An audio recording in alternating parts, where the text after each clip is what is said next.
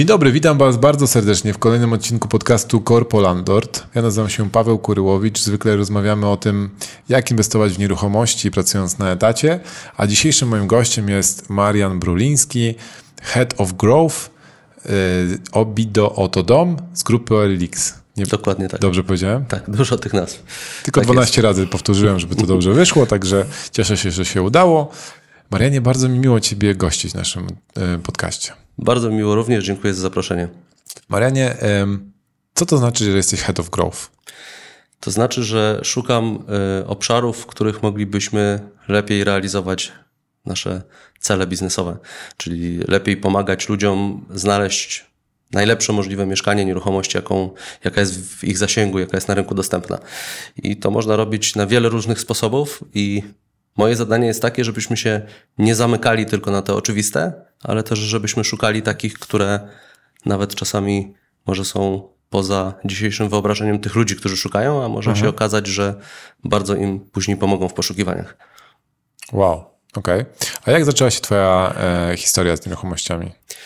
Y, w sumie to tak trochę byłem wskazany, bo to taka historia e, trochę łzawa, tak, że zawsze tam bawiłem się klockami, później poszedłem na architekturę, e, zawsze to mnie e, bawiło i, i tym się interesowałem. Mhm. Także od samego początku A praca... Tak, naprawdę tak było, że tak, bawiłeś się tak, klockami i poszedłeś tak, na architekturę? Tak, tak, tak. Zawsze to było moje hobby i tak samo jak studiowałem architekturę, to to było moje hobby, a później jak poszedłem, zacząłem pracować, to praca to jest moje hobby główne, więc to trochę tak łatwo pomylić z pracoholizmem, ale to nie jest tak że ja cały czas pracuję, tylko bardziej bym powiedział, że nigdy nie pracuję. E, I, I po prostu lubię to, co robię, a y, lubię też y, taki konkret i prawdę, czyli nie mówić tylko o teorii, E, jak mówimy o nieruchomościach, o architekturze, to e, dużym wyzwaniem jest to, jak to się odbywa w rzeczywistości.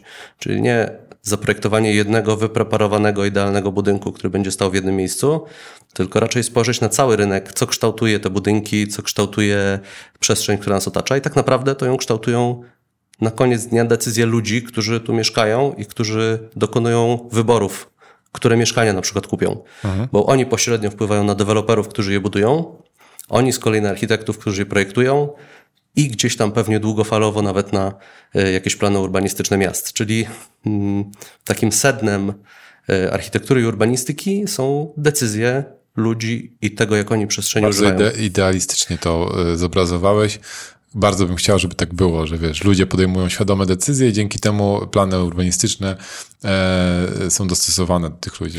Nie powiedziałem, że świadome, bo co jest ciekawe, zapamiętałem z którejś książki taki eksperyment. Od razu, jeśli to jest w ogóle fake news, to e, przepraszam, niech mnie ktoś tam w komentarzach upomni i, i wyprostuje, to będę mądrzejszy.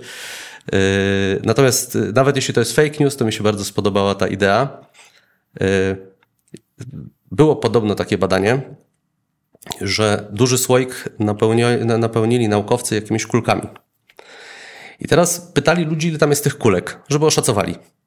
No to ja, ty, no to byśmy strzelili, tak? Jakąś liczbę. Można coś tam oszacować na oko, coś sobie szybko policzyć w głowie. Jeden jest precyzyjniejszy, drugi mniej.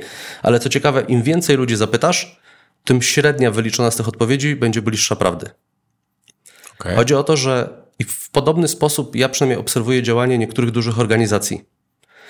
Y, przez to, że decyzje są podejmowane konsyliacyjnie w jakimś sensie, to oni, te organizacje dużo rzadziej się mylą. Mhm. Być może jest to jakaś zasada matematyczna, której ja nie znam i jest to prawda. Być może to jest mit i fake news.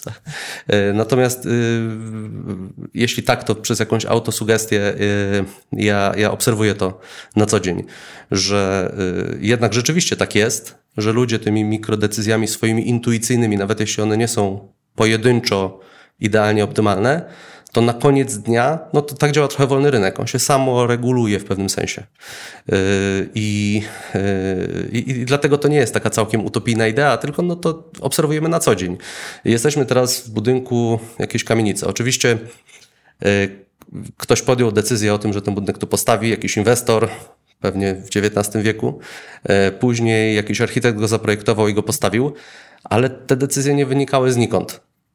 One były efektem jakiegoś ciągu przyczynowo-skutkowego, który z kolei się składał z mnóstwa decyzji innych ludzi, mhm. którzy projektowali to miasto, tworzyli pewne style architektoniczne, organicznie itd., tak itd. Tak e, ale kompletnie zbaczamy trochę tak, z systemu tak, tak, nieruchomościowego. Tak. jeszcze bardziej zbocze, dygresja. Jesteśmy w miejscu, gdzie była mennica, mennica królewska, Mhm. A potem na, tym, na, tym, e, na tej ziemi e, wybudowano gmach budynku Banku Polskiego, który był prekursorem NBP-u.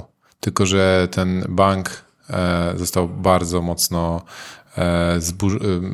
zniszczony podczas II wojny światowej. My jesteśmy w budynku, który jest zaplecze, był zapleczem tego banku, takim biurowym, a później został przekształcony na mieszkania dla ludzi, którzy pracowali w tym banku, a nie mieli się gdzie powiedzieć po II wojnie światowej. Mhm. Taka kompletnie A dobrze tu się nagrywa podcasty i dobrze wam się to pracuje? Tak.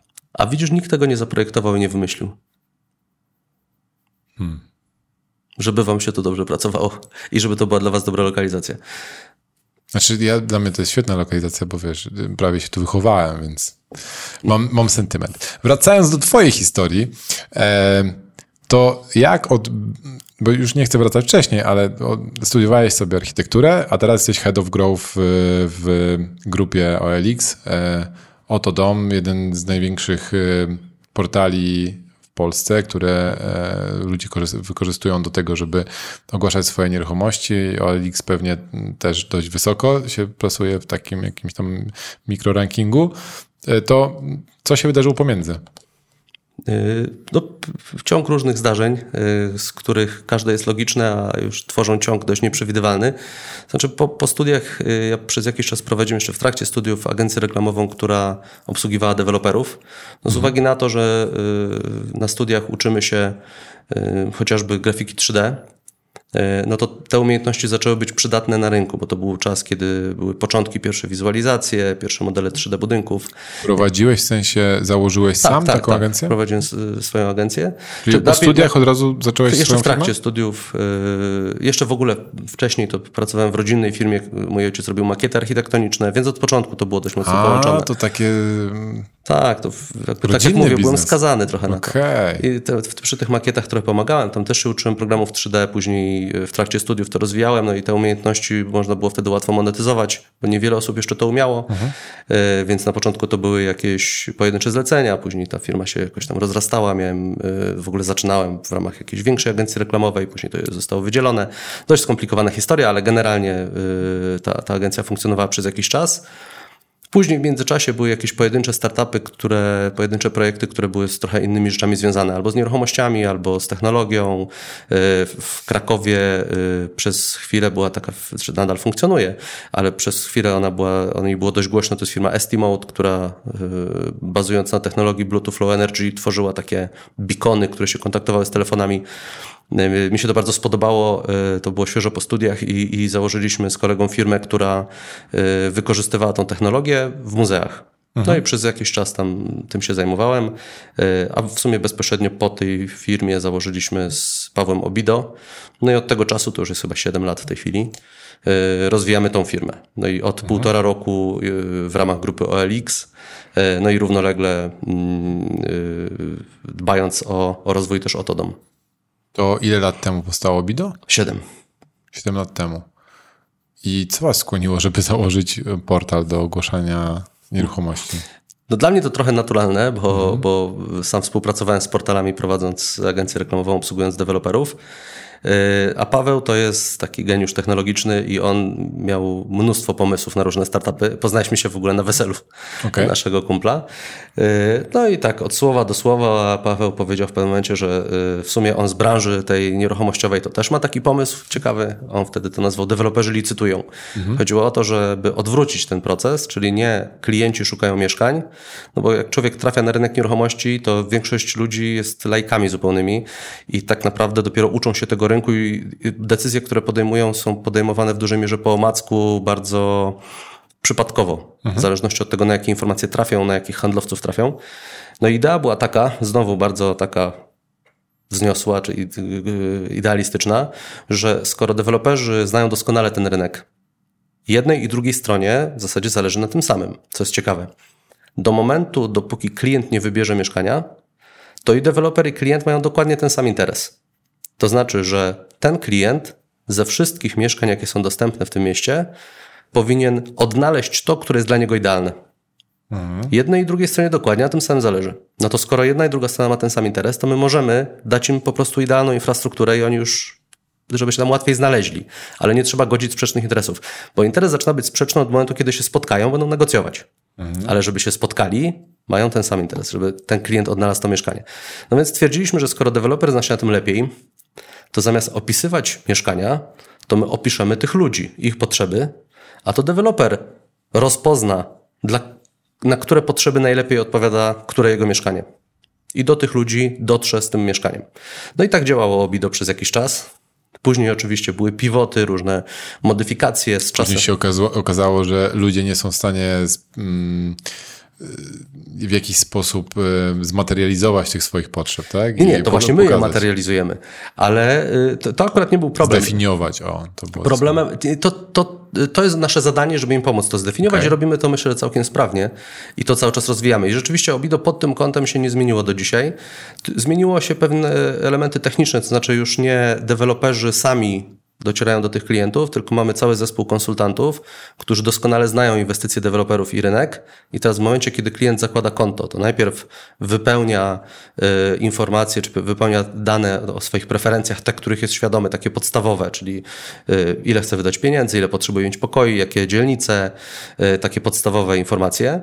Później dzwoni do niego nasz konsultant i je uzupełnia. Bo po pierwsze, nie wszystko się da opisać w formularzu. Po drugie, trochę inaczej rozmawiamy z człowiekiem, trochę na inne rzeczy można zwrócić uwagę i y, zadać pytania. Mhm. No i w ten sposób y, średnio my pracujemy z jednym klientem 5-6 miesięcy, bo tyle trwa cały proces decyzyjny. Y, w tym czasie dowiadujemy się o ludziach naprawdę sporo. Oni w międzyczasie od nas dowiadują się całkiem sporo o rynku. Y, I my jesteśmy w stanie im wybierać, bo jakby mm, monitoring rynku mamy stuprocentowy, czyli Wiadomo, że nie z każdym portalem, nawet największym, współpracują absolutnie wszyscy deweloperzy. Mhm. Niech to będzie 90 parę procent, to, to zawsze zostanie te parę procent, ale nasz monitoring obejmuje absolutnie cały rynek i w ten sposób z całego rynku jesteśmy w stanie temu klientowi wybrać, wiemy, które mieszkania są najlepsze. Nie? Y, I y, oczywiście są, y, jest to oparametryzowane. W tej chwili około tam 100 parametrów, czy ponad 100 parametrów jest używane do opisania pojedynczego mieszkania i prawie 100 parametrów do opisania pojedynczej osoby. Traktujemy to w ten sposób, że jedno mieszkanie to, to jest produkt i wszystkie pozostałe rzeczy to są jego parametry, czyli na którym jest piętrze, strony świata, otoczenie inwestycji, to jaka to jest inwestycja w ogóle, z czego jest zbudowana, odległości do infrastruktury, do przystanków, do sklepów, komunikacja miejska, etc., etc., to jest y, wszystko są, jest, są cechami tego produktu, którym jest mieszkanie. No i to opisuje mieszkanie, znowu klient, no to są jego potrzeby życiowe, czasem dość specyficzne, każdy z nas jest inny, więc czasami potrzebujemy mieszkać w danej dzielnicy w obrębie dosłownie kwartału, dlatego że niedaleko mieszka nie wiem, nasza babcia, rodzice, którymi się chcemy opiekować i to jest dla nas krytyczne. Innym razem jakaś dzielnica jest taka, którą preferujemy, ale możemy zmienić ewentualnie to zdanie, jeśli świetne mieszkanie w dużo lepszej cenie będzie w innej lokalizacji, ale będziemy mieli równie dobry dojazd do pracy. Mhm. Więc to trzeba wiedzieć, żeby odpowiednio to mieszkanie dobrać. I to, co robimy teraz, to po pierwsze wszystkie te technologie, które wypracowaliśmy, bo w międzyczasie pojawił się też machine learning, bo tych informacji było dostatecznie dużo, że pewne elementy uczenia maszynowego można było w to włączyć i, i osiągnęliśmy na nich dość niezłą skuteczność. Y, te wszystkie technologie teraz y, przenosimy do Otodom, czyli absolutnie najpopularniejszej platformy y, na polskim rynku, gdzie jest i rynek pierwotny, i rynek wtórny.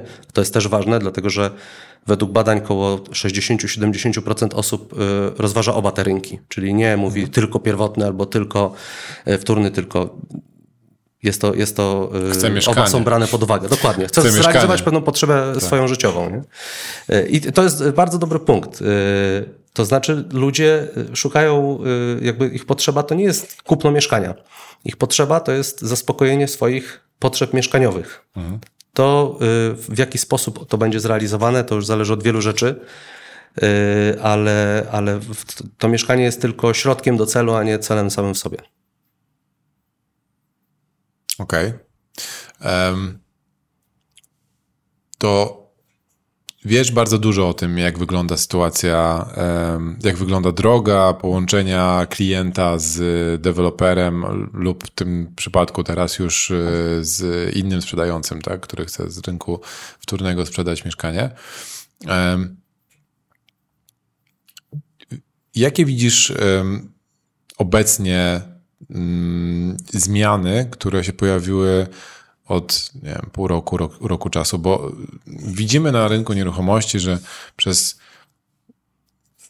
kilka lat było mniej więcej tak samo. Była oczywiście sytuacja pandemiczna, gdzie tam kilka miesięcy nie wiadomo było, co się, co się wydarzy, mhm. ale mniej więcej od 2013 roku ten wzrost był w miarę stały.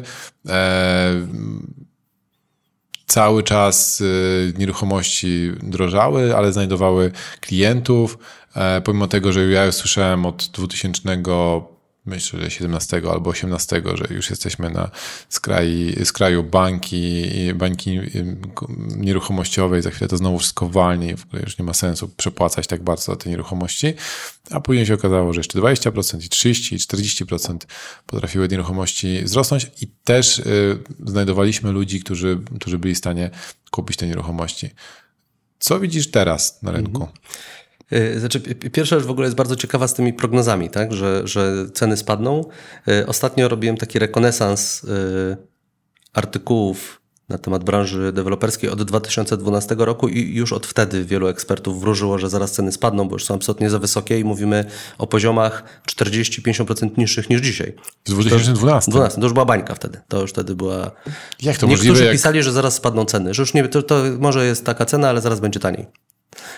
Dam Ci prezentację, zestawienie. Wow. W ogóle na dziesięciolecie y, oddziału Warszawskiego Polskiego Związku Firm Deweloperskich zrobiłem taki rekonesans tych dziesięciu ostatnich lat w branży. Mhm. Trochę pod kątem y, takiej, tak z przekory, bo teraz wszyscy czujemy, że y, generalnie czasy się zbliżają cięższe niż ostatnie powiedzmy 2-3 lata. No i tak wspominamy trochę z łezką wokół, jak to wspaniale było przez ostatnie 10 lat. Mhm. No i jak się okazuje, to byłem sam zaskoczony. Od 2012 roku co roku była tragedia. Co roku branża się kończyła, co roku był kataklizm, miały drastycznie spadać ceny. Zawsze był inny powód. Czasem to było wejście ustawy deweloperskiej, czasem jakaś inna sytuacja, czasem wzrost cen materiałów budowlanych, bardzo różne, tak. ale generalnie zawsze był y, potencjalny dramat gdzieś na, za zakrętem. Ale zaraz, czy rzeczywiście był ten dramat, czy to były po prostu, wiesz, media, które próbowały zwęszyć jakąś kolejną historię, żeby napisać i żeby ktoś tam to przeczytał, bo my jako ludzie lubimy czytać o, o tragediach i, i wiesz, no i tak, Armagedonach. Tak, to się klikało, jasne. No, później się nic nie wydarzyło, więc może było i zniknęło, albo nigdy mhm. nie było. Ciężko to dzisiaj powiedzieć.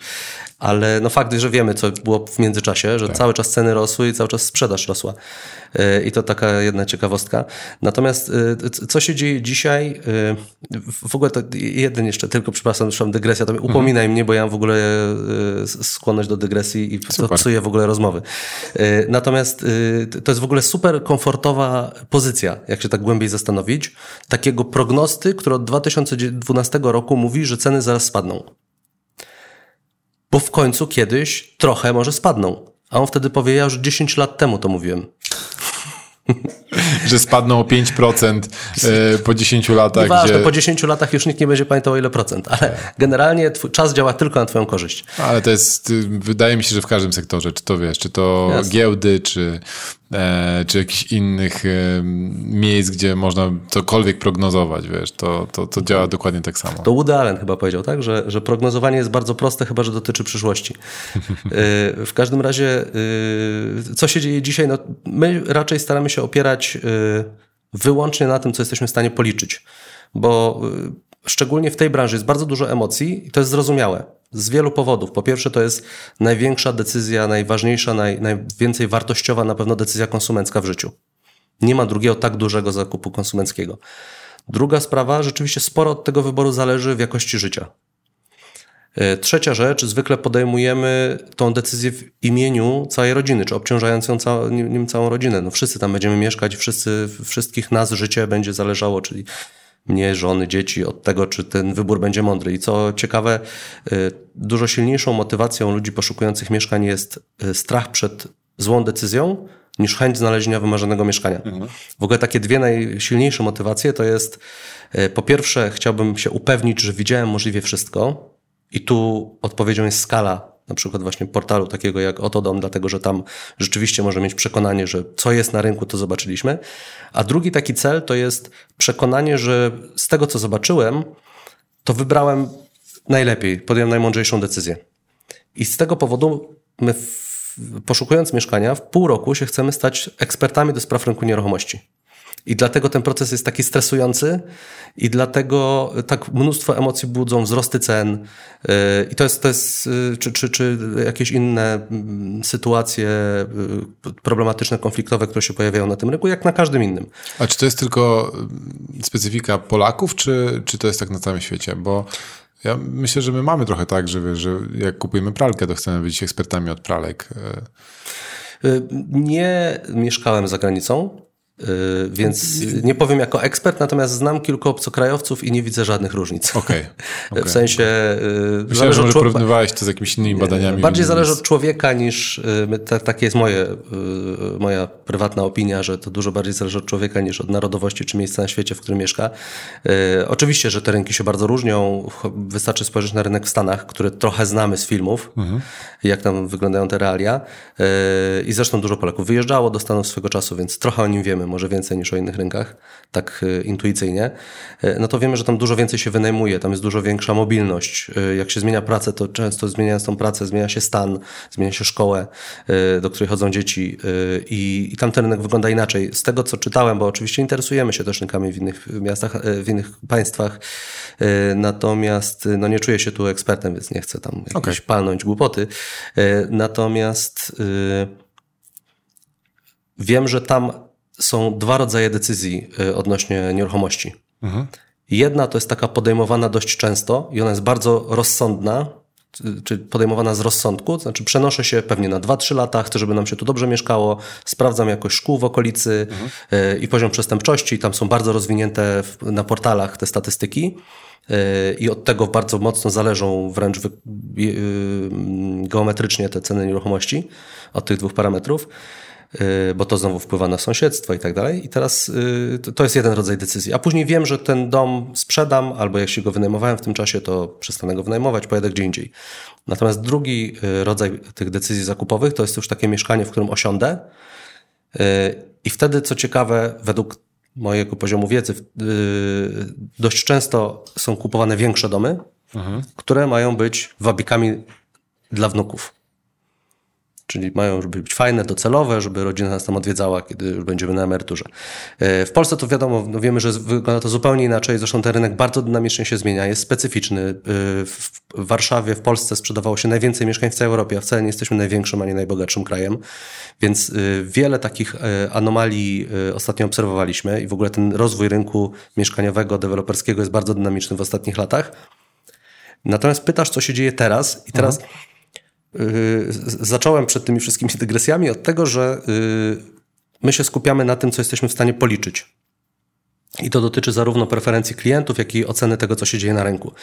Więc pierwsza rzecz, to co czytamy w mediach i to, co można usłyszeć w rozmowach ze znajomymi, nawet z ekspertami rynku, jest ta temperatura jednak ze dwa poziomy wyższa niż to, co da się jeszcze zaobserwować w liczbach. Okay. Na rynku jeszcze takich gwałtownych zmian nie widać. Oczywiście odpadła duża część ludzi, którzy kupowali mieszkania kredytowo, to jest czysta matematyka. Po prostu obniżyła się zdolność kredytowa, a nawet jeśli ktoś nadal ma zdolność kredytową, to jak sobie przyliczy ratę, którą miałby dzisiaj płacić, to często ludzie podejmują decyzję, że ona jest po prostu za wysoka i na razie nie chcemy się decydować na zmianę mieszkania. Tak. I to jest, to jest jedna grupa. Druga grupa, to wiemy, że jest bardzo dużo klientów gotówkowych dzisiaj na rynku.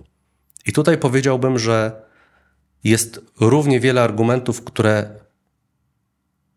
przekonują ludzi do tego, żeby jednak weszli na rynek i kupili mieszkanie. I tu przede wszystkim mam na myśli inflację i w ogóle niepewność sytuacji, a to jest jednak mm, aktywo i biznes, który większość z nas rozumie, przynajmniej na tym podstawowym poziomie.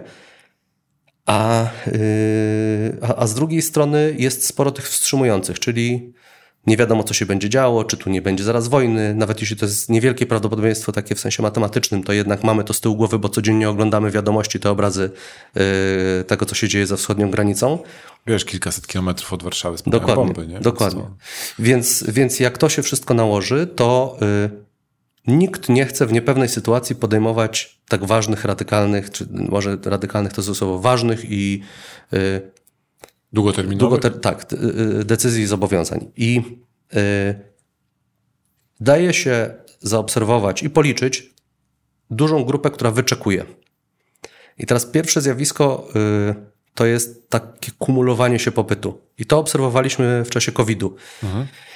Wtedy też staraliśmy się dotrzeć do sedna, co się dzieje, bo wszyscy byli zdezorientowani. My popatrzyliśmy w liczby i pierwsza rzecz, która się działa, wcale jakoś specjalnie drastycznie nie spadł ruch na portalach. On w pierwszych dniach, oczywiście, w pierwszych dniach to wszyscy tylko googlowali tam, jak się zabezpieczyć przed COVID-em, robili zakupy i tak dalej. Ale on ten ruch zaraz szybko odbił i ci ludzie, jakby nic się nie działo, przeglądali mieszkania i, w, i zapisywali je na kontach i tak dalej. I rozmawiali z naszymi konsultantami. Natomiast tych transakcji nie było. I później przez jakiś czas też było ich dużo mniej. No więc yy, co się działo? Ci ludzie, skoro cały czas szukali, no to z jednej strony tego lejka zakupowego cały czas wpływali na rynek. Z drugiej strony ten ostatni element lejka no bardzo się zawęził. Tych transakcji było dużo mniej, więc w efekcie ten popyt się cały czas kumulował. I zapytaliśmy wtedy tych ludzi, zrobiliśmy ankietę na kilku tysiącach osób, które były w procesie poszukiwania, yy, czego się najbardziej obawiają, dlaczego nie dokonują transakcji. Na początku oczywiście były zamknięte notariaty, pełen lockdown, ale później on ustąpił. I takie dwie podstawowe obawy, które oni wtedy wskazywali, to pierwsza to był strach przed tym, że staną budowy. No bo wtedy była pełna, niewiadoma. Tak. Nie było wiadomo, czy w ogóle robotnicy przyjdą, czy, czy, czy będą w stanie deweloperzy kontynuować budowę. No to kto się zadłuży, jak zaraz może być problem. Tu nakłada nam się jeszcze jeden temat, czyli ludzie nie są świadomi tego, że obowiązuje ustawa deweloperska i te pieniądze tak naprawdę no to oni ryzykują w niewielkiej części i one są dobrze zabezpieczone. E, Wszyscy mamy w głowach do dzisiaj te bankructwa sprzed 15-12 lat, e, które już dzisiaj po prostu te, te mechanizmy nie są możliwe. Ale, ale to wcale nie jest e, przez tego przeciętnego konsumenta, oni, ludzie nie są tego świadomi. Czyli to była pierwsza obawa. A druga największa obawa była o to, że zaraz spadną ceny. Okej, czyli nie chcę kupić teraz, bo Tak. za chwilę spadną i, i, i tylko będę miał um, Kupię za drogo, tak? Kto to przy, poczucie por- porażki. Dokładnie. No, kto przy zdrowych zmysłach kupi mieszkanie, jak przeczytał trzy artykuły, że ono za dwa miesiące będzie 30% tańsze? No więc wszyscy się wstrzymywali. Jak wiedzieliśmy już o tych dwóch zjawiskach, to pierwsza akcja, którą zorganizowaliśmy wspólnie z deweloperami, to była akcja na budowach. Znaczy prosiliśmy deweloperów, żeby dużo częściej uaktualniali e, zdjęcia z budów, że one się toczą, bo normalnie to się robi raz na miesiąc, raz na kwartał, niektórzy deweloperzy czasem częściej. Natomiast tutaj e, zachęcaliśmy ich, żeby robili to wrę- wręcz codziennie. My zbieraliśmy wszystkie te informacje i założyliśmy taką stronę na budowach, e, na której można było podejrzeć budowę inwestycji, która Cię interesowała i sprawdzić, czy rzeczywiście tam się ta budowa toczy, czy są robotnicy, czy, czy e, budynek rośnie. I tak odpowiedzieliśmy na tą pierwszą obawę. y, To, to y, była całkiem popularna akcja. No a druga rzecz, no to zaczęliśmy, rozmawiając z tymi ludźmi, mamy w tej chwili na Obido 80 tysięcy kont założonych, takich aktywnych użytkowników, którzy są w tej chwili w procesie poszukiwania mieszkania. Wtedy to było około 60 tysięcy. No, czyli całkiem spora grupa, do której możemy zadzwonić, mamy ich numery telefonów i po prostu porozmawiać z nimi. I stąd y, i mogliśmy ich przeankietować, ale druga sprawa, tłumaczyć, że my nie obiecamy, że nie spadną ceny. Ale tak samo nie obiecamy, że one 30% nie wzrosną. Nie ma nic, co by świadczyło o tym, że będzie tak czy tak. Zupełnie nic. Nie ma żadnych przesłanek. Eee, Lubię myśleć, że mieliśmy jakiś wpływ na to, że później było dobrze. Na pewno próbowaliśmy mieć na to wpływ. I Dzięki wam Artykułów poszło też do góry. troszkę wypuściliśmy. Dokładnie. E, Dzięki nam ceny materiałów budowlanych poszły do góry. E, Na, na to wszystko mieliśmy wpływ. W każdym razie, mm, y, no, jaka, jaki był efekt? No, jak okazało się, że żadnej tragedii nie ma i wszystko zaczyna wracać do normy, to ten skumulowany popyt wszedł na rynek i mieliśmy rekordowe półrocze. I to nie rekordowe z ostatnich trzech lat, tylko rekordowe w historii Polski. E, Najwięcej sprzedanych mieszkań. I to, co Pamiętasz, obserwuję... ile to było mieszkań? Oj, nie pamiętam. A to rekordowe w ogóle, tak? Nie, W ogóle. nie chodzi o Obido samo. Tak, w ogóle w Polsce rekordowa sprzedaż mieszkań w dwóch, pół, dwóch kwartałach. Yy, I to, to, to, to było, było takie zjawisko. I teraz, jak widzimy to, co w tej chwili się dzieje na rynku, to liczby są bardzo podobne do tamtych. Tak samo widzimy duży ruch. Y, różnica jest taka, że deweloperzy też go potwierdzają. To znaczy, sporo ludzi kontaktuje się z deweloperami, ogląda mieszkania, yy, przychodzi na spotkanie nie raz, tylko już na trzy cappuccino. Yy, raz przyjdzie oglądnie, drugi raz dopytać. Mamy dużo więcej czasu. Druga sprawa, nie musimy się tak spieszyć, bo widać, że ceny już tak nie rosną. Nie wiem, czy będą spadały, czy będą rosły dalej. To zależy od tak wielu czynników: inflacja, ceny materiałów budowlanych, dostęp siły roboczej, yy, dostępność działek, legislacja, całe mnóstwo różnych czynników. I jak ktoś mówi, że dzisiaj wie, co będzie, to mm, musi być strasznie mądry i musi mieć dostęp do jakiejś gigantycznej ilości informacji, które jest w stanie bardzo szybko przetworzyć. My tacy mądrzy nie jesteśmy. I myślę, że to jest w ogóle mało możliwe, żeby to przewidzieć. Mhm. Można się domyślać, ale podejmowanie dzisiaj decyzji życiowej na podstawie domysłów czyjś, no to ja bym tak nie robił. Natomiast jak będzie, tak, tak będzie. Na razie nic, nic dziwnego się nie dzieje. Natomiast faktem jest to, że ci ludzie nie rezygnują z poszukiwania mieszkania, chcą dalej kupić. I wielu z nich mówi, poczekamy do końca roku. To jest taki psychologiczna trochę bariera. Zobaczymy, w którym kierunku to pójdzie. Czy ta wojna będzie się raczej wygaszała, czy będzie, się, czy będzie eskalowała? Czy ta inflacja wyhamuje, czy, czy jeszcze bardziej przyspieszy? Co z tymi stopami procentowymi? I tak dalej, i tak dalej. To znowu są bardzo złożone tematy, no bo... To chyba taki psychologiczny, mm, taka sztuczka psychologiczna, żeby sobie nałożyć jakiś termin, do którego będziemy czekać. To tak, tak myślę. Często tak jest, że wiesz, do, do, końca roku szkolnego, do wakacji, to Dokładnie. po wakacjach, to po świętach, tak. to... Po Sylwestrze tam. zacznę biegać. Na przykład. Tak jest. I, yy, I teraz pytanie, co, co się stanie, tak? Czy po tym nowym roku ten popyt wróci na rynek? I wtedy pewnie wygrani będą ci deweloperzy, którzy dzisiaj nie wyhamowali yy, i podjęli pewne ryzyko. Yy, czy ten popyt wyparuje, bo będzie galopowała inflacja, wojna zacznie być coraz większym zagrożeniem i będzie bardzo źle. Nikt tego nie wie. Yy, ale to nie jest tak, że ktoś jest mądrzejszy i wie. Mhm. To jest tak jak z przyrodą musimy traktować i z pogodą. No, A macie jakieś dane, mm, czy ten popyt, e, ten spadek popytu wynikający z tego, że ludzie nie mają zdolności kredytowej albo uznają, że, że, wie, że kredyt będzie za drogi, jest wyrównany przez e, klientów gotówkowych? Nikt nigdy nie potrafił ich policzyć. Mhm. Bo po pierwsze, oni sami czasami nie wiedzą, że zaraz będą klientami gotówkowymi na, na, mieszkania, bo jeszcze im ta myśl nie zakiełkowała, a może zaraz jak zobaczą, jak topnieją ich oszczędności, to stwierdzą, że to jednak niezły pomysł. O ile y, mają te oszczędności na tyle duże, żeby kupić mieszkanie to, za gotówkę? Y, no mamy rekordową kumulację oszczędności yy, i możemy zrobić tak, że pod tym podcastem, pod mhm. tym odcinkiem wrzucimy w linku takie podstawowe dane e, wynikające z naszych różnych monitoringów e, i też z danych takich makroekonomicznych. Super. E, I, I wtedy to, o czym teraz mówię, będzie sobie można zobrazować od razu jako taką ilustrację w tle. W każdym razie od, przez ostatnie kilkanaście lat oszczędności na rachunkach Polaków cały czas rosną. I one rosną w różnych proporcjach między oszczędnościami na lokatach, a oszczędnościami na tych rachunkach naszych codziennych. Mhm. Generalnie tych na rachunkach codziennych jest dużo więcej. Bo lokaty mało płacą. Dokładnie. I teraz przez jakiś czas te lokaty bardzo małe płaciły, więc ten, ten pasek się jeszcze z, z, zrobił cieńszy. I teraz zaczynają być coraz ciekawsze, więc on trochę zaczyna być grubszy, ale jeszcze nie grubszy niż sprzed y, tych y, zerowych y, stóp procentowych, czy wcześniej jeszcze bliskich zera. Więc na razie jesteśmy w takiej sytuacji, natomiast cały ten skumulowany kapitał cały czas rósł i jest tak samo na rekordowym poziomie w tym momencie. Mhm. Więc y, te, i ten kapitał topnieje o 17% w tej chwili rocznie.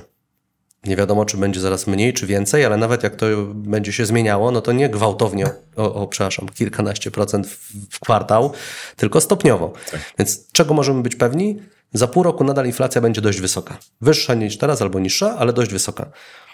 Yy, więc yy, to jest fakt. Te, nie, te oszczędności topnieją.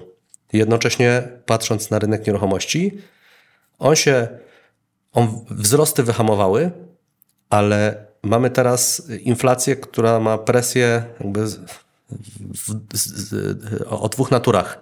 Czyli jedna ta presja, która pcha ceny od strony kosztowej, czyli rosną ceny materiałów budowlanych, koszty energii. E, to jest konsekwencja i przerwanych łańcuchów dostaw w czasie COVID-u, które jeszcze nie wróciły do normalnej równowagi. Z drugiej strony spowodowane wojną, e, nie wiem, prosty przykład płytek e, w nieruchomości, w inwestycji, części wspólne najczęściej wykańcza się płytkami. Mhm. W tej chwili bardzo brakuje glinki do wykończenia płytek, bo duża część tej glinki pochodziła z Ukrainy. Y, to wszystko powoduje, że czasami y, bardzo trudno, nawet nie tyle będą wyższe ceny nieruchomości, to w ogóle trudno je będzie skończyć. Trzeba będzie szukać jakichś innych zamienników, substytutów. Albo będą się budowy przeciągały, co też wpływa na koszty. Czyli niedługo części wspólne w bazerii. Może tak być, ale drewno też jest drogie, więc, więc nie wiem, czy to będzie dobre rozwiązanie. W każdym razie y, to, to jest z jednej strony pcha nam te ceny nieruchomości. No, działek też nie jest coraz więcej, tylko coraz mniej, szczególnie tak. w dobrych lokalizacjach.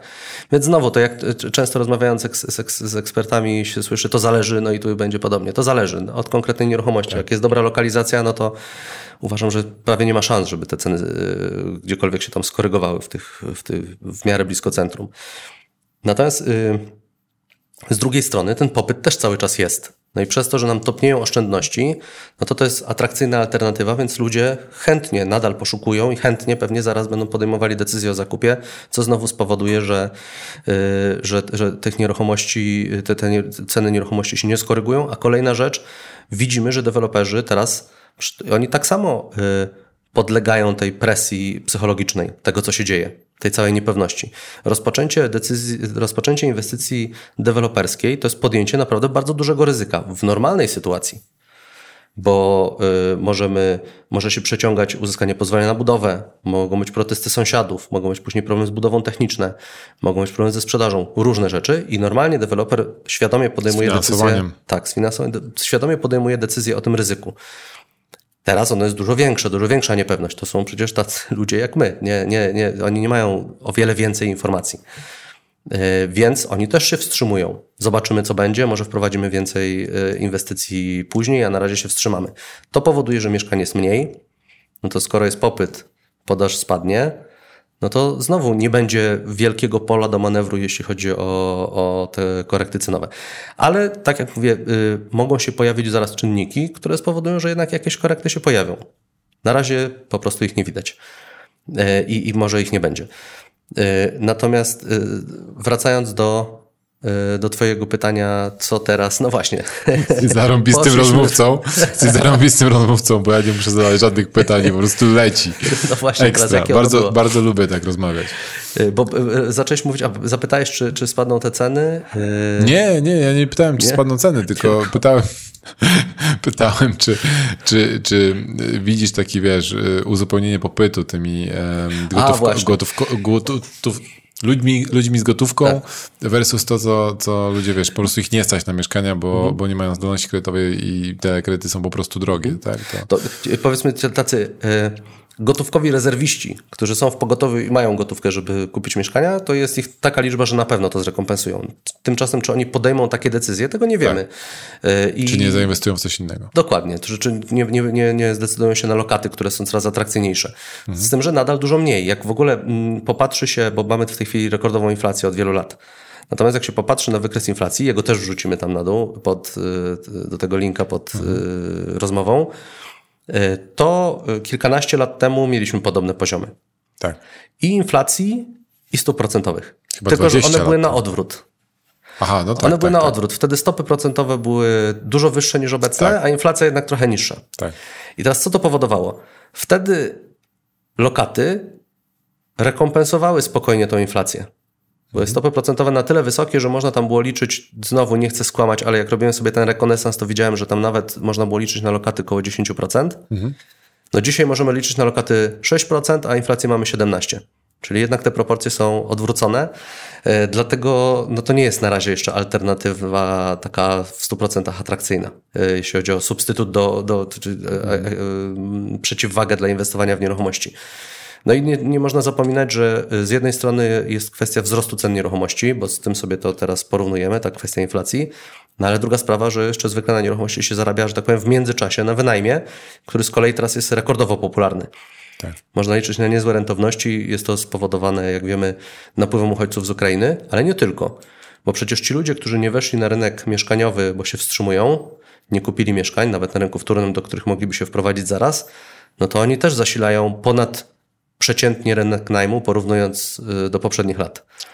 We wtorek mm, byłem na spotkaniu mieszkanicznika w Warszawie i spotkałem takiego znajomego, który wynajmuje y, pokoje. Nie ma ich jakoś tam bardzo dużo, ale ma około 30, 5 czy 6 mieszkań po, po 5 y, pokoi.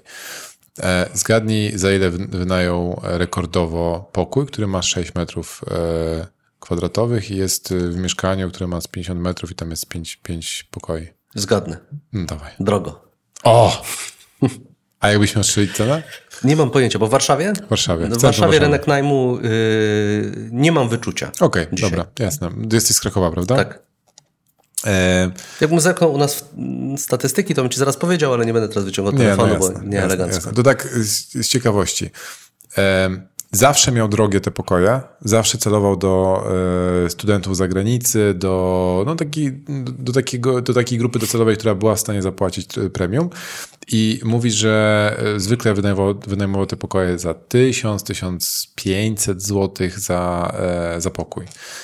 Teraz wynajął rekordowo wynajął jedno, jeden pokój za 3000. Hmm. Razem, razem z opłatami oczywiście to tam trzeba, wiesz, odjąć kilka rzeczy.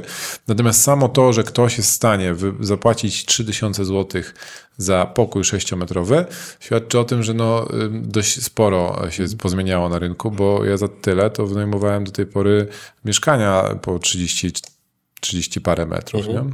No i to nie jest normalna sytuacja.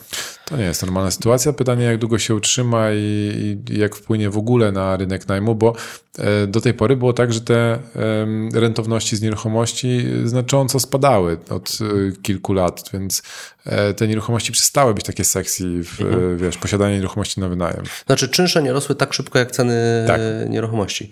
To jest jasne i mm, z czego to, znaczy one nadal te rentowności, patrząc na niewielkie ryzyko związane z tym rodzajem aktywa i tego, że to jest coś, co możemy dodać do y, wzrostu wartości nieruchomości, no to ta suma cały czas była y, dość atrakcyjna. Teraz jest już bardzo atrakcyjna.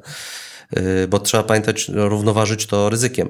Tak. Oczywiście można zarobić na bitcoinach pewnie dużo, ale równie łatwo albo łatwiej stracić dużo. Wynajmując mieszkanie trudno stracić dużo. Jest straciłeś na bitcoinach? Y, nic, nie, nie, nie, robię rzeczy, y, których nie rozumiem. A nie, nie mam czasu, żeby się orientować w tych kryptowalutach. nie, no przypuszczam, że bardzo ciekawe, ale po prostu już nie ma, nie ma doby. Jasne. Y, w każdym razie to, to jest bardzo szkodliwa społecznie sytuacja. Bo ci ludzie nie dlatego tyle płacą, bo sobie przekalkulowali teraz, że jednak sytuacja ich do tego zmusza i może jednak to będzie fajniejsze niż inne, tylko po prostu tych mieszkań nie ma. Tak. Fizycznie. To nie jest kwestia decyzji to czy tamto. Tylko przypuszczam, że ktoś podjął taką decyzję, bo wiedział, że zaraz to mieszkanie zniknie i już nie będzie miał żadnego wyboru. O, szczególnie jest... jeżeli jesteś studentem z zagranicy, który przyjeżdża na Erasmusa, wiesz, że będziesz wynajmował to mieszkanie tylko na 5 miesięcy e, i przełkniesz tą dodatkową premię, dodatkowe koszty, bo, bo jeszcze dostajesz jakieś tak. dodatkowe finansowanie często... z, z, samego jakiegoś tam programu. Tak, jeszcze często przyjechał z kraju, dla, w którym to nie jest dziwna cena. Tak. Ona tak, jest dziwna tak, w Polsce na tle, tak. ale dla niego psychologicznie to nie jest przekroczenie jakiejś bariery. Tak, nie jest w stanie porównać tego. Nie? No i y, co, jaki, jaki to może rodzić problem i w ogóle y, gdzie tu są naczynia połączone? Bo oczywiście z jednej strony mówimy o tym, że z rynkiem chociażby pierwotnym, czy w ogóle z rynkiem nieruchomości sprzedaży, no naczynia, te, te naczynia są połączone poprzez inwestorów. Czyli ten rynek najmu wpływa na decyzje zakupowe, inwestycyjne, bo wtedy zwiększa się rentowność. Z drugiej strony to wpływa, czyli to, że tych ludzi mniej wchodzi na rynek, wpływa na rynek najmu, dlatego że potrzebę mieszkaniową my musimy realizować. Nie mamy wyboru, każdy musi. Nikt nie, nie, nie chce, nie może być bezdomny.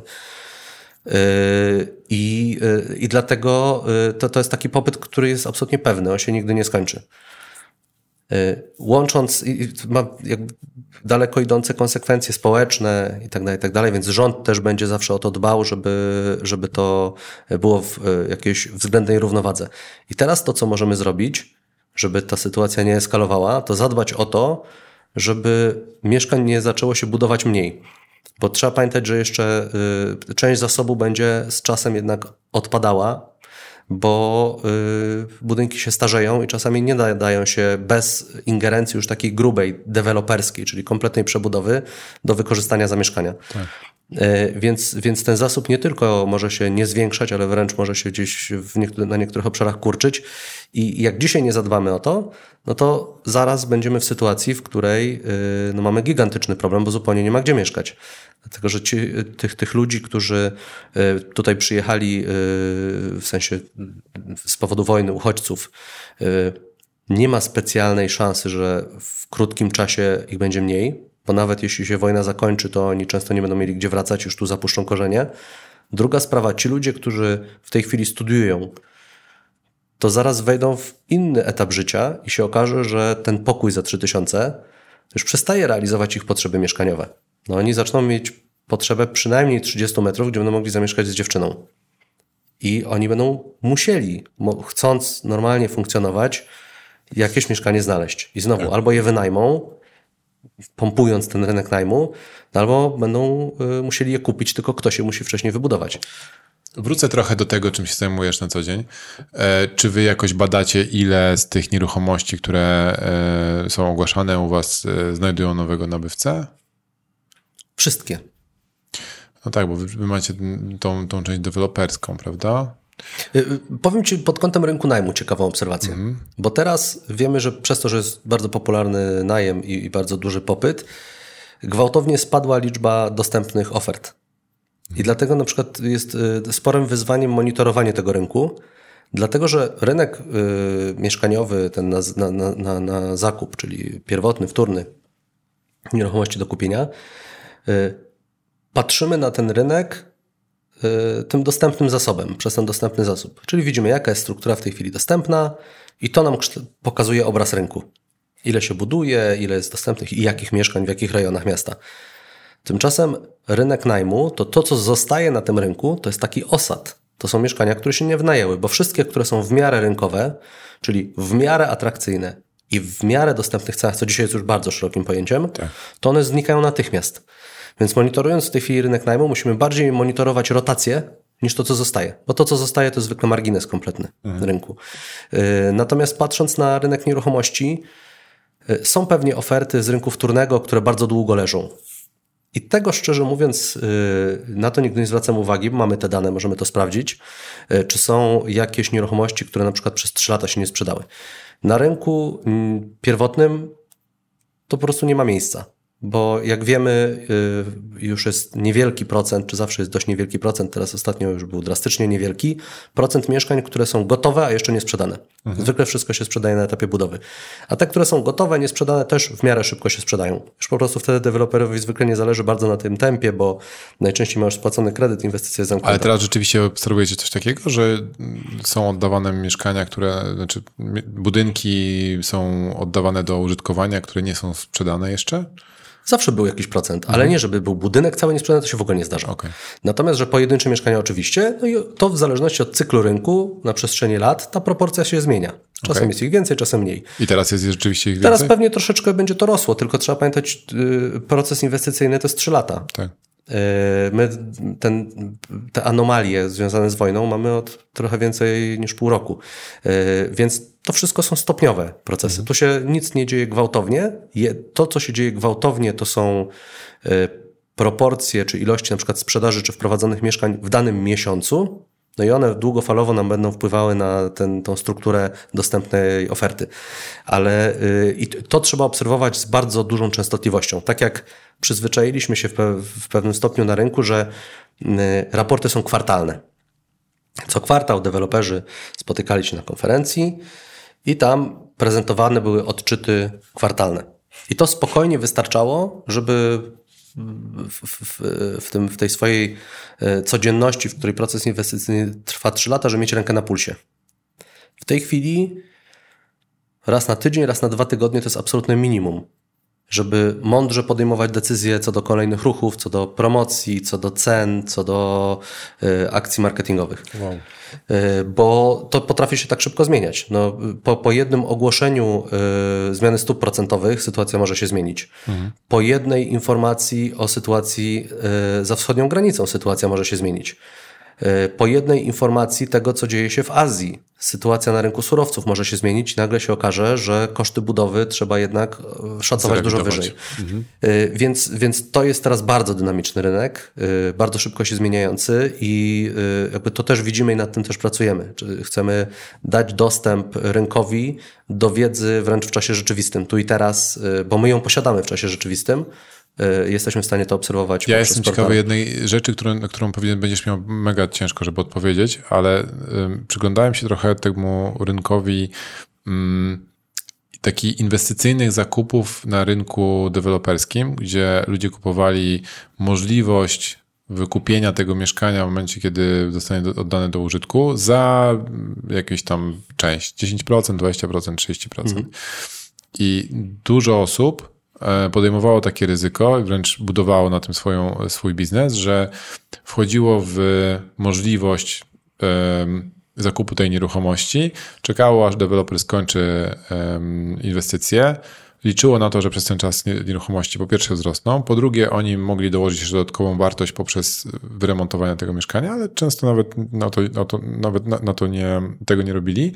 E, i sprzedawali później na cesji komuś innemu. Tak? Mhm. To był świetny biznes do momentu, kiedy, kiedy to wszystko e, się zazębiało, czyli oni kupowali wcześniej. E, inwestycja, tak jak mówisz, trwa 3 lata. Po 3 latach okazywało się, że popyt jest cały czas taki sam, a, ceny nieruchomości wzrosły. Zastanawiam się w momencie, kiedy jest taka szansa, że teraz będzie takie odcięcie, że już nie będzie tak dużego popytu na, na nieruchomości i ci ludzie będą mieli problemy, a będą musieli spłacić te, te nieruchomości, to się wtedy wydarzy e, z tym całym dominem, bo, mhm. E, bo, na koń, bo jeżeli oni nie, nie wykupią tych nieruchomości, nie spłacą reszty należności do dewelopera, no to Stracą nagle, pieniądze oni stracą pieniądze, ty, tą, ten wkład, y, który mieli początkowy, ale deweloper będzie miał znowu mieszkanie. To wrócą no. mieszkania do oferty. Tak, tak. Czy deweloper nie będzie w jakiejś bardzo złej sytuacji, bo dwa razy zarobi yy, w jakimś procencie, E, druga sprawa, pytanie, jaką skalę ma to zjawisko. Właśnie to, o tym, tym się e, zastanawiam, jak, jak duże to jest zjawisko. Możemy to zbadać, chociażby ankietując deweloperów, bo zwykle jednak deweloperzy y, bardziej lub mniej sobie zdają sprawę, kto kupuje mieszkanie na takiego flipa, mhm. na pierwotnym, bo to tak się chyba nazywa, tak? Jest takie określenie, flip na pierwotnym. Tak, tak. A kto kupuje na własne potrzeby, czy inwestycyjnie, żeby mieszkanie wynajmować. No to przypuszczam, że wielu deweloperów ma takie wyczucie. Możemy zrobić taką ankietę i to sprawdzić. Natomiast Według mojej wiedzy to nie jest jakaś wielka skala. Okay. Natomiast y, patrząc od drugiej strony, z perspektywy tych flipujących, y, tylko proszę się na mnie nie obrazić, ale no jesteśmy, jakby to są dorośli ludzie. Y, to no jak ktoś wychodzi na ring, to musi się liczyć z tym, że dostaje nie strzał. I teraz jak ktoś się zajmuje spekulacją i liczy na szybki, dość łatwy jednak zysk, to musi się liczyć z tym, że wiąże się to po prostu z dość dużym innym ryzykiem, które akurat nastąpiło. I jeśli ktoś nie miał refleksu albo po prostu nie miał szczęścia, y, no to może ponieść tego konsekwencje i uważam, że to jest element gry rynkowej. No, tak. Nie ma w tym nic dziwnego, złego, ani czegoś, z czym trzeba byłoby walczyć i jakoś bardzo przeciwdziałać. No i w zasadzie, w zasadzie tyle. takie mam zdanie na ten temat. E, czy to, bo wiele jest takich zarzutów, że to strasznie szkodliwe, winduje ceny i tak dalej. Nie uważam, żeby to miało jakiś wielki wpływ. E, dlatego, że po pierwsze, często e, według tego, o ile ja się orientuję w tym rynku, ci ludzie wyszukują i potrafią negocjować z deweloperem lepiej też często. Tak. Wyszukują mieszkania, które nie do końca są najatrakcyjniejsze i potrafią je albo trochę przerobić, albo w atrakcyjny sposób pokazać. Mhm. E, więc e, taką e, subiektywną wartość na rynek wprowadzają w tym sensie.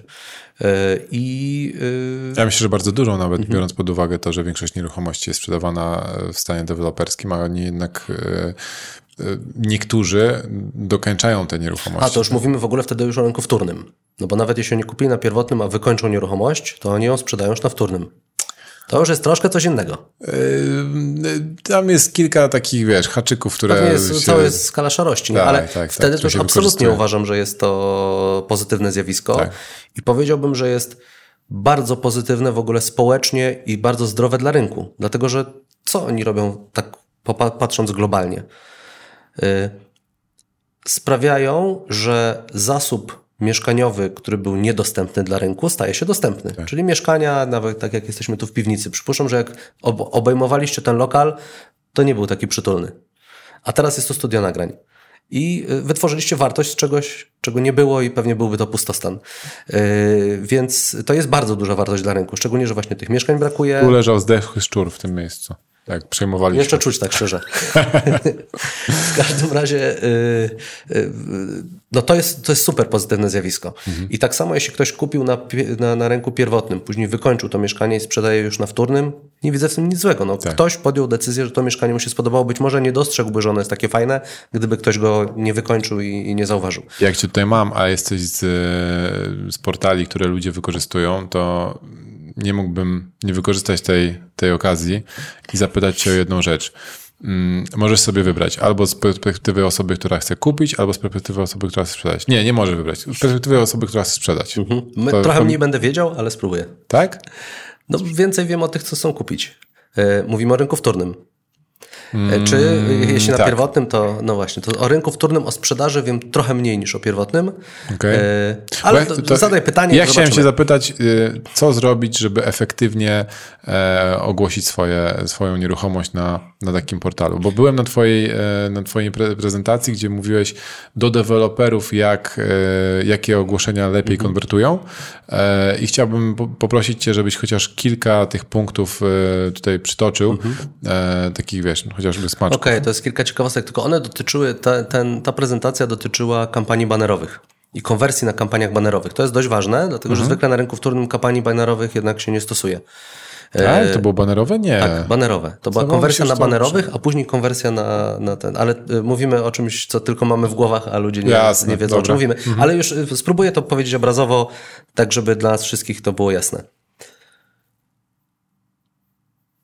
Mamy jakąś inwestycję, bo można sobie to odnieść do innego kanału marketingowego, ale to akurat dotyczyło do deweloperów. Deweloper ma inwestycję i teraz y, robi reklamę, która ma zachęcić klienta do tego, żeby się tą inwestycją zainteresował. Siłą rzeczy, jak to jest kampania banerowa czy billboard, to nie mamy wiele miejsca i wiele treści nie możemy tam przekazać. To musi być jakiś impuls. Tak. I teraz używamy do tego różnych haseł i możemy mierzyć skuteczność tej reklamy tym, ile ludzi w nią kliknęło. Czyli na przykład pokazujemy atrakcyjną wizualizację i podpisujemy mieszkanie dwupokojowe. Albo podpisujemy ten sam obrazek mieszkanie dwupokojowe na Ochocie. Mhm. Albo dodamy jeszcze, że ono jest słoneczne, a może jeszcze dodamy, że ma osobne WC. To teraz taka ciekawostka. Dwie informacje mają najlepszą konwersję, jedna już ma mniejszą, trzy mają jeszcze słabszą, czyli najlepiej dawać dwie informacje i konkretne. Czyli jak powiemy duże mieszkanie, to będzie to mniej atrakcyjne i mniejsza konwersja na klik, a jak powiemy mieszkanie 73 metry, to będziemy mieli lepszą konwersję na klik. Mówiąc najprostszymi słowami, mniej zapłacimy za ten klik. Okej, okay, a czy można to wykorzystać w ogłoszeniach takich portalowych właśnie, że wiesz, że mamy... Na pewno tak posługując się konkretami. Mhm. Można to rzeczywiście przenieść na, na, na rynek, na, na ten listing, czyli znowu mamy y, ogranicz- klient, który patrzy w monitor ma ograniczoną uwagę. Coś zwróci jego uwagę albo nie i on zeskroluje dalej. E, w przypadku kampanii banerowej on może czytać jakiś artykuł i akurat jest w trakcie poszukiwania e, mieszkania i ten baner zwróci jego uwagę. W przypadku, kiedy scrolluje sobie listing, on widzi wiele ofert. Jedna rzecz to są truizmy, no musi być atrakcyjny ten obrazek. No bo my się rozumujemy obrazami, posługujemy się obrazami i, i obrazami myślimy. Więc y, szczególnie myśląc o swoim mieszkaniu. Więc ten obrazek musi być atrakcyjny. Druga sprawa. Zatrzymam się na no. tym obrazku, bo pamiętam, że powiedziałeś taką rzecz, która zwróciła moją naj, największą a, uwagę. To ostatni slajd z prezentacji. Tak. tak. Jest taka anomalia, która jest absolutnie trudna do zrozumienia, a może dla niektórych łatwa, dla mnie trochę e, była trudna do zrozumienia. Jak się na obrazku pokaże zachód słońca, to ona będzie miała zawsze dużo lepszą konwersję niż jak tego zachodu słońca nie będzie. Nie wiem, czy to po prostu każdy ma ukrytą duszę romantyka z nas i po prostu jak widzi zachód słońca, to mu serce mięknie i klika. Może to o to Po chodzi. tej twojej prezentacji zacząłem to wykorzystywać w swoich ogłoszeniach i, i wszędzie tam, gdzie coś wiesz, sprzedaję z nieruchomości, to, to próbuję wrzucić jakieś ogłoszenie z zachodem słońca. I zadziałało? powiem ci, jak, jak podpiszę umowę. okay, no właśnie, ale, ale rzeczywiście zadziałało, jeżeli chodzi o, o konwersję, wiesz, na, na klik. Mhm. Tak? To mierzyliśmy, nie? Akurat to, tamtym badaniem. Tak, tak, tak, tak, tak. No, natomiast tam była jedna ciekawostka, y, że y, o ile. No jedna rzecz, to taka prosta rada. Konkretne informacje są lepsze niż ogólne. Okay. A już pisanie o tym, że coś jest blisko zieleni nie ma kompletnie sensu, jest to zupełnie ignorowane, bo to nic nie znaczy. Czy blisko przystanku. Co to mhm. znaczy blisko? Yy, lepiej jak napiszemy 15 minut do przystanku, niż jak napiszemy blisko. Co jest w ogóle trochę paradoksem, ale tak jest. Konkret 324 jest metry. Na przykład, tak. I 3 yy, centymetry do tak, przystanku. Tak jest. Yy, to jest. To jest jeden aspekt. Drugi linii jest 127 tak... jadącej na Wilanów. No właśnie. Druga sprawa a propos tej linii. Nie opłaca się koloryzować. Czyli jeśli mamy nieruchomość w lokalizacji, która jest kompletnie na peryferiach, to nie próbujmy na listingu udawać albo ukrywać tego. Mhm. E, pisząc, że to jest e,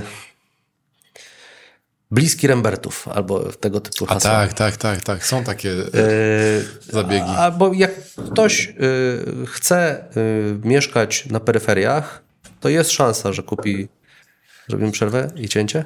Coś nam przeszkadza. Dziękujemy. Okej, okay, to zrobimy tak. Nie wiem, czy wy to wycinacie, czy nie. Zostawiacie takie rzeczy. W każdym razie... Jak powtórzysz ostatnie dwa zdania, to... Dobra. W każdym razie yy, chodzi o to, że jak kto... Cofnijmy tak, wiesz, żeby była zakładka troszeczkę... Yy, Bliski, e, może od tego bliskiego? No, no. Będzie łatwiej? O, odkoloryzować, o, bo ja wtedy zacząłem mówić, bo to był cały wywód. E, natomiast jest, jest jedna ciekawostka. Okazuje się, że nie opłaca się koloryzować, mhm. bo y, to jest to poniekąd logiczne, Natomiast y, w czym rzecz? Y, mamy często taką pokusę, żeby te, y, ukrywać te negatywne elementy. Mhm. Czyli mamy nieruchomość na zupełnych peryferiach, ale chcemy pokazać, że to jednak takie straszne peryferia nie są, że te 20 minut na przystanek to nie jest tak źle, będziemy mieli lepszą kondycję i w ogóle tam piękne są okoliczności przyrody po drodze. Czyli na przykład później piszemy, że yy, bliski Rembertów albo jakieś inne lokalizacje próbujemy zaczarować. z Krakowa, ale wiesz, to, to jest Rembertów. No, mamy wielu klientów w Warszawie.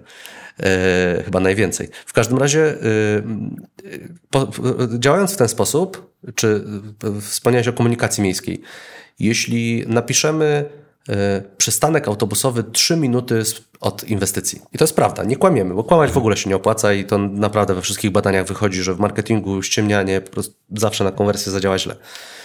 Ale y, czy opłaca się koloryzować w takim sensie, że nie powiemy całej prawdy? Czyli piszemy 3 minuty przystanek obok inwestycji. To co myśli ktoś, kto w to klika? Fajnie skomunikowana inwestycja. Tylko, że tam jeździ jeden autobus co pół godziny.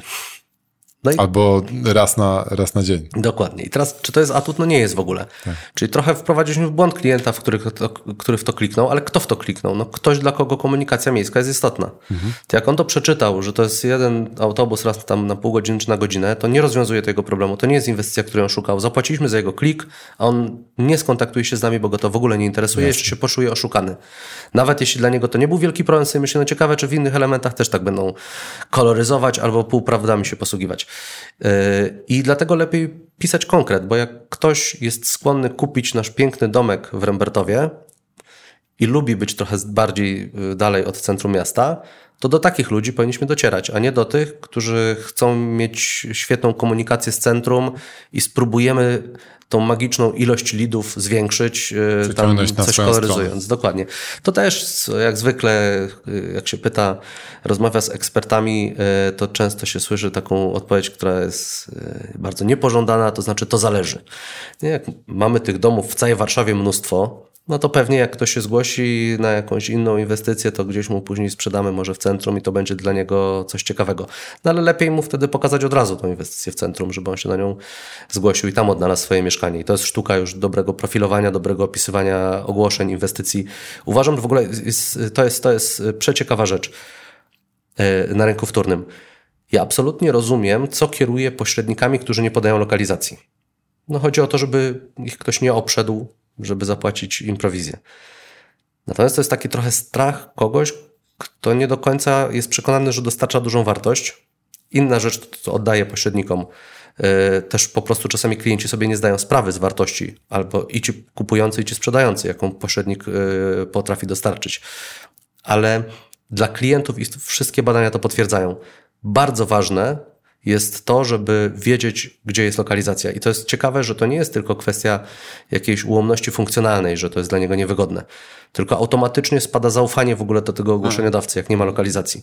Więc jak ja bym był pośrednikiem, może kiedyś tak będzie, to na pewno coś, o co bym zabiegał, to to, żeby możliwie mieć nieruchomości na wyłączność i móc pokazywać te ceny, albo tak ustawić sobie y, umowę z y, właścicielem, żeby nie podejmować, nie, nie, nie ponosić tu jakiegoś wielkiego ryzyka, że ktoś mnie obejdzie, ale bardzo bym zabiegał o to. Dlatego, że widzę, jak dużo wyżej klienci oceniają te oferty, które mają rzeczywiście pełne opisy. I to dotyczy wszystkiego. No, w ogóle bardzo dużo ofert jest niechlujnie przygotowywanych. I teraz te przewagi, które y, można obserwować później w statystykach między ofertami, które naprawdę ktoś poświęcił czas, żeby dobrze przygotować zdjęcia, żeby nie było tak, że czasami mieszkania przecież deweloperskie są sprzedawane też przez pośredników na, na portalach. One są jakoś wykadrowane, żeby logo dewelopera nie było widać, jakoś krzywo, dziwnie to wygląda. Y, I one po prostu są dużo droższe finalnie dla takiego pośrednika. Jak on by poświęcił więcej czasu, porządnie zrobił opis, no już idealnie, jak będzie ta lokalizacja, ale dobrze wszystko, żeby było opisane. Czasami nawet sobie zadał ten trud, żeby zrobić rzut. Oczywiście im... Brak rzutu to jest coś, co, co mnie absolutnie rozwala, że... Ale to jest trudne technicznie. Jakby, rzut? Tak, jakby pośrednik miał robić rzut każdego mieszkania, to po prostu jest dużo pracy technicznej. Trzeba to pomierzyć, wykonać. I teraz wyobraź sobie, że jesteś pośrednikiem, masz w puli 100 mieszkań. Mhm. I większość z nich jest i u ciebie, i u w całej rzeszy innych pośredników. I teraz ty się możesz napracować, zrobić ten rzut i tak dalej, a on i tak jakby nie, nie zarobisz tej jak prowizji. Dla mnie, jak dla mnie lepiej by było, żeby narysowali na kartce ołówkiem e, rzut tak, jak mi się wydaje, że jest, że tu jest łazienka, tu jest kuchnia, a tutaj mam okno na, wiesz, na tą stronę, e, to by było wiele lepiej niż nie wrzucanie żadnego rzutu. I to ja tego kompletnie nie rozumiem. W moich mieszkaniach, nawet na wynajem, masz zawsze, zawsze masz rzut, nie? I pokazane, jak się rozkładają te, te pokoje. To, co jest ciekawe, y, w Oto Dom odpaliliśmy taką y, usługę, która się nazywa wirtualny remont. Mhm. Chodzi o to, że tak jak deweloperzy robią spacery 3D i rzuty, i to jest absolutny standard już w tej chwili, to daliśmy taką możliwość na rynku wtórnym. I można zrobić tak, że możesz wysłać szkic rzutu, nawet zrobiony z grubsza odręcznie, i za niewielką opłatą dostaniesz z powrotem nie dość, że pięknie zrobiony rzut 2D yy, mieszkania, to dostaniesz pełen wirtualny spacer. I teraz w momencie, kiedy robisz takiego powiedzmy flipa na mieszkaniu, które jest zdegenerowana tkanka mhm. i źle wygląda w środku, wiesz, że ludzie mają problem z wyobraźnią, dopiero jak wykończysz to mieszkanie, to go sprzedasz, bo normalnie nikt nie dostrzeże tego potencjału, to możesz zrobić pełen wirtualny spacer w takiej jakości, że część ludzi nawet się nie zorientuje, że to nie jest prawdziwy spacer po realnych zdjęciach, tylko że, że jest to wizualizacja. Okay. I w ten sposób możesz od razu, już na etapie, jak tobie dopiero wchodzą pierwsze ekipy na mieszkanie, już pokazać potencjał tego mieszkania i zachęcać i, i do niego e, potencjalnych klientów. I to jest fajna usługa, która staje się coraz popularniejsza. E, I z tym, że tak samo jak w ogóle zmiany na rynku nieruchomości są powolne, tak samo ta poprawa standardów, zmiana standardów też jest, też jest powolna. I y, z tym, że y, jakby obserwujemy, że ona cały czas idzie w górę i to jest bardzo pozytywne.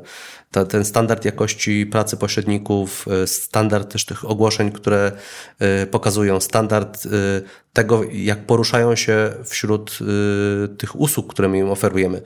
Bo zresztą każdy portal daje wiele możliwości podbijania ofert, wyróżniania, robienia specjalnych opisów, jakichś specjalnych akcji promocyjnych, właśnie wirtualnego spaceru, e, jakichś rzutów, tego typu elementów, to część pośredników porusza się w tym tak znakomicie, że potrafią dwa, trzy razy taniej pozyskiwać klienta w przeliczeniu na wszystkie pieniądze, które wydają na portalu, niż ktoś, kto to robi trochę po omacku, trochę na zasadzie tam, dobra, jest minimalny abonament, powrzucam te oferty i zobaczymy, kto się zgłosi to tu różnice są, potrafią być bardzo duże. W zależności od tego, ile Czyli jakość tej sieci po prostu ma, ma tak, znaczenie. Tak, kto ile poświęci czasu na to, żeby chociażby potestować, bo to jest tak, że tych narzędzi jest wiele i czasami przy niektórych nieruchomościach lepiej działają jedne, przy innych drugie. Na przykład przy nieruchomościach inwestycyjnych, e, które albo są w centrach miast, albo w jakichś e, miejscowościach wypoczynkowych, e, zupełnie inaczej zadziała wrzucenie ich na główną stronę, dlatego że teoretycznie ludzie z bardzo wielu miejsc, inwestorzy, których teraz jest spory procent na rynku, mogą być zainteresowani zakupem takiego mieszkania. Więc jest duży sens dotrzeć do jak najszerszego grona i dzięki temu. Nawet spoza tego miasta, którym, w którym jest Nawet przede wszystkim, bo przypuszczam, że w tym mieście, no to on akurat sobie do tego dotarł, ale ktoś, kto jest yy, z Grudziądza, ma zgromadzone bardzo yy, duże oszczędności to on często będzie chciał kupić w centrum Warszawy, w centrum tak. Wrocławia, no bo wie, że tam ten zakup i da mu większy zwrot i ten popyt na mieszkania na najem jest dużo lepszy niż w mniejszych miejscowościach i on tam będzie szukał mieszkania. Normalnie mi, do tego nie dotrze. Dałeś mi właśnie pomysł, bo my właśnie odpalamy spółkę inwestującą w nieruchomości na Maderze, gdzie będziemy przygotowywać mieszkania to będziemy wrzucać też na, na polskie no OLX, wiesz, tego, nieruchomości na Maderze. Tak, ale to, tu, tu, trzeba iść szeroko, nie? bo to tak. jest tak. jakby taką, taką szeroką siecią, bo tu mogą być ludzie rozproszeni po całej Polsce i też różni ci inwestorzy. Tak. Ktoś chce kupić dziecko, które jedzie do Warszawy na studia, ktoś chce kupić e, inwestycyjnie. E, natomiast jak mamy, jesteśmy na tym samym portalu, jesteśmy tym samym pośrednikiem, ale mamy nieruchomość e, na Wilanowie dla rodziny, to już inaczej powinniśmy do tego podejść. Wtedy wrzucanie mieszkania 85 metrów na Wilanowie na główną stronę portalu jest troszkę bez sensu, bo ten odsetek ludzi, którzy są moimi potencjalnymi klientami, tam będzie niewielki. Więc wtedy powinienem się skupić na tym, żeby wśród ludzi, którzy szukają na Wilanowie, ta moja oferta wygląda jak najlepiej. Była na górze listy, była wyszczególniona, lepiej opisana, z lepszymi zdjęciami i tak. Więc yy, to nie są takie proste rzeczy wbrew pozorom. Jak mamy bardzo duży ten przerób, dużo tych ofert i, i, i cały czas jeszcze przecież w międzyczasie nie tylko wrzucamy oferty, obsługujemy klientów, dzwonimy, jeździmy na inwestycje i tak dalej, no to jest spora ilość pracy, tylko że ona bardzo procentuje. Czyli zupełnie inne wyniki y, można osiągnąć, y, skupiając się na tych elementach. No po prostu marketing, na marketingu. To taki truizm, ale ale tak to właśnie działa. Myślę, że moglibyśmy jeszcze rozmawiać ze trzy godziny, ale Nikt czas nam tego powoli... by nie wytrzymał, żeby tego słuchać. Mieliśmy taki jeden podcast y, trzy godziny, ale musieliśmy go pociąć na, na dwa odcinki. Będziemy się zbierać powoli do końca. Y, zwykle robimy coś takiego, że naszym gościom zadajemy pytanie, czy e, jest coś, co mogliby polecić naszym słuchaczom, takiego, wiesz, coś takiego wartego polecenia setki tysiącom osób, które nas mhm. słuchają. Hmm. Jeśli e, dla tych, wszystkich 200. Wiem, że będzie tu wielu przedsiębiorców jest wśród Twoich słuchaczy. No, tak, no, to osoby, które e, nawet jeżeli nie są przedsiębiorcami, to są przedsiębiorcze, bo same, same wiesz, próbują inwestować. I, I siłą rzeczy prawie każdy przedsiębiorca e, w takim rozumieniu przedsiębiorcy, jakie ja mam, bo rozróżniam takiego specjalistę od przedsiębiorcy. Przedsiębiorca zwykle pracuje w jakimś zespole, nawet jeśli, nie, jeśli nie w swojej firmie, to ma jakieś grono y, współpracowników, tak. z którymi działa na co dzień, tworząc jakiś zespół, mhm. bardziej lub mniej formalny. I to jest książka, która ma tragiczny tytuł, w mojej ocenie, bo brzmi jak taka trochę coachowa papka z trochę korporacyjnego slangu albo jakichś takich pseudoporadników. Natomiast po pierwsze jest bardzo lekkostrawna, bo to jest taka opowieść, a po drugie to jest yy, książka, która nam pozwoliła yy, z Pawłem, ze wspólnikiem yy, zmontować yy, zespół, yy, z którego jesteśmy ultra dumni i tak naprawdę największe osiągnięcie nasze biznesowe, to ostatnio sobie powiedzieliśmy, to było zbudowanie takiego zespołu, yy, to, to jest pięć dysfunkcji pracy zespołowej Patryka Lencioniego. Okay. Brzmi dość nie, nie niezachęcająco. Okay. Natomiast w praktyce to jest książka, która opowiada historię o pewnej firmie, do której przychodzi nowy szef. I tam są różne historie, które się dzieją między nimi. Oni toczą różne dyskusje, mają różne swoje problemy w tym biznesie i w, tej, w tym swoim zespole. E, I w różny twórczy sposób je rozwiązują. To jest króciutka książka, która jest absolutną esencją i jest jej niezwykła wartość polegająca na tym, że każdy ją tak samo zrozumie. Mhm. Nie da się jej nie zrozumieć. Jesteś pewien, że jak dałeś ją komuś z zespołu do przeczytania, to później się rozumiecie bez słów. Bo tam są pewne takie y, podstawowe zasady y, tej współpracy, które bardzo, bardzo dużo ułatwiają. To znaczy, później w ogóle się nie musisz zastanawiać, wewnątrz tego swojego zespołu, co kto ma na myśli, czy idziemy we właściwym kierunku, jakaś wewnętrzna polityka, tego typu rzeczy. W ogóle nie. Wtedy się wszyscy skupiacie na e, rywalizacji na zewnątrz, na do, dostarczeniu jak najlepszej usługi, lepszej niż konkurencja, w sprawnym poruszaniu się, szybkim podejmowaniu decyzji e, i tak dalej. Także ta książka jest świetna. E, jak ktoś w ogóle też nie ma czasu, albo tam tworzenie skomplikowanych strategii, to zwykle na to czasu brakuje, to ona po prostu wiele rzeczy rozwiązuje. O Super. tak. Dopiszę sobie do listy e, książek, które chcę przeczytać. Dziękuję Ci bardzo za to. E, ja, drodzy słuchacze, e, wpadłem ostatnio na taki profil na Instagramie, a później się okazało, że to też jest strona Watch Chart, tak nawiązując do Twojego zegarka. Strona, która nie dość, że śledzi ceny zegarków, przeróżnych y, marek. E, To też pokazuje ceny oczywiście te mm, detaliczne w sklepach i czy tam od dealerów, czy jakkolwiek to nazwać, i te, które są mm, drugorynkowe ceny, bo to bardzo często w zegarkach e, ma ogromne znaczenie. Ale też mają taki indeks zegarkowy, gdzie mają ileś zegarków, chyba 30, e, które wybrali tam, wyselekcjonowali na takie, które najlepiej trzymają wartość, albo mm, według nich mają, mają jakieś y, przeważające cechy. No, nie wiem do końca w jaki sposób oni to wybrali, ale tam no, jest dużo takich e, topowych zegarków i ten, ten indeks jakby śledzi ceny wszystkich tych zegarków i wkłada to wszystko w jedność.